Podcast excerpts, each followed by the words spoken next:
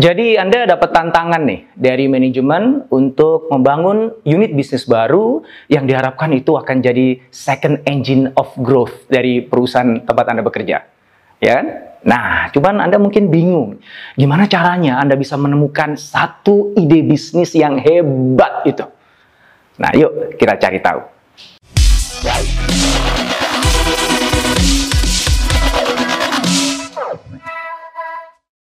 Dalam sebuah talk show yang menghadirkan Steve Blank, dia adalah bapak dari Lean Startup Dunia dan juga profesor di Stanford University.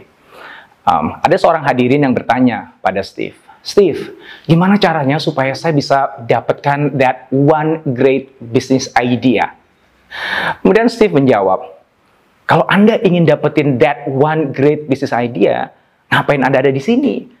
Anda keluar aja dari gedung ini dan langsung temui siapa pun yang menjadi market Anda, potential customer Anda, langsung temukan one great idea itu dari mereka.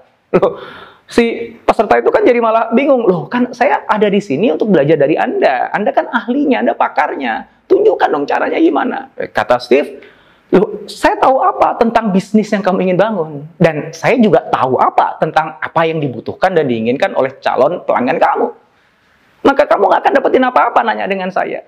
Mau dapetin that one great business idea?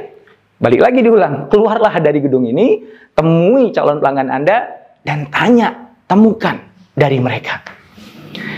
Sebenarnya logis jawabannya Steve Blank ini. Kenapa? Karena uh, ya follow the money.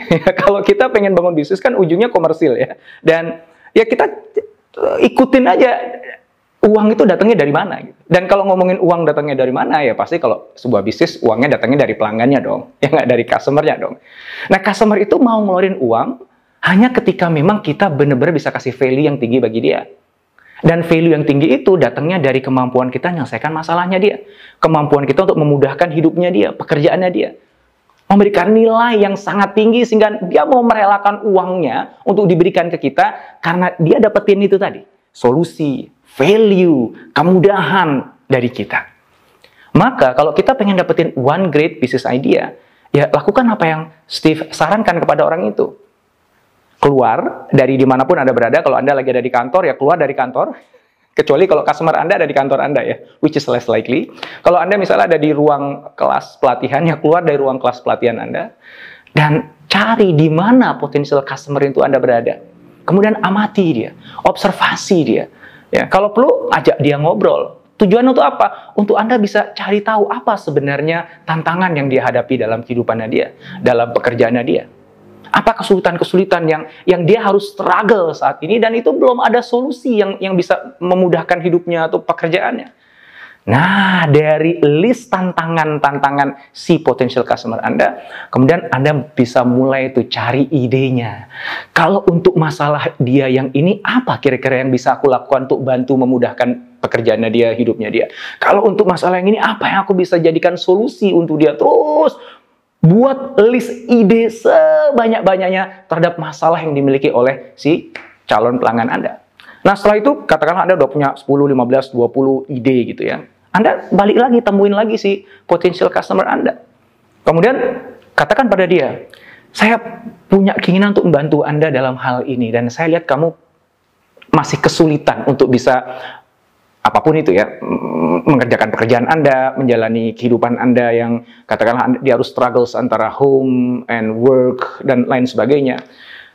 Dan Anda tunjukkan kemudian ini ide yang saya miliki yang saya pikir mungkin bisa membantu Anda menyelesaikan masalah Anda itu.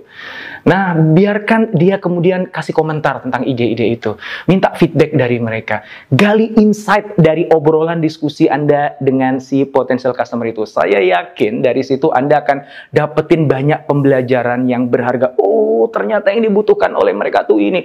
Oh, ternyata masalah yang sebenarnya tuh ini. Oh, ternyata solusi yang itu mungkin bisa menyelesaikan masalah dia itu yang punya kriteria atau karakteristik seperti ini.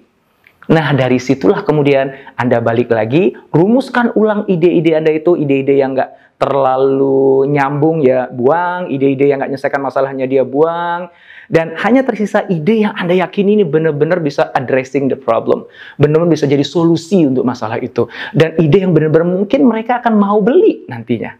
Nah, ide itulah yang kemudian akan mewujud menjadi that one great business idea. Nah, sekarang Anda udah tahu caranya gimana? Saatnya yuk langsung action.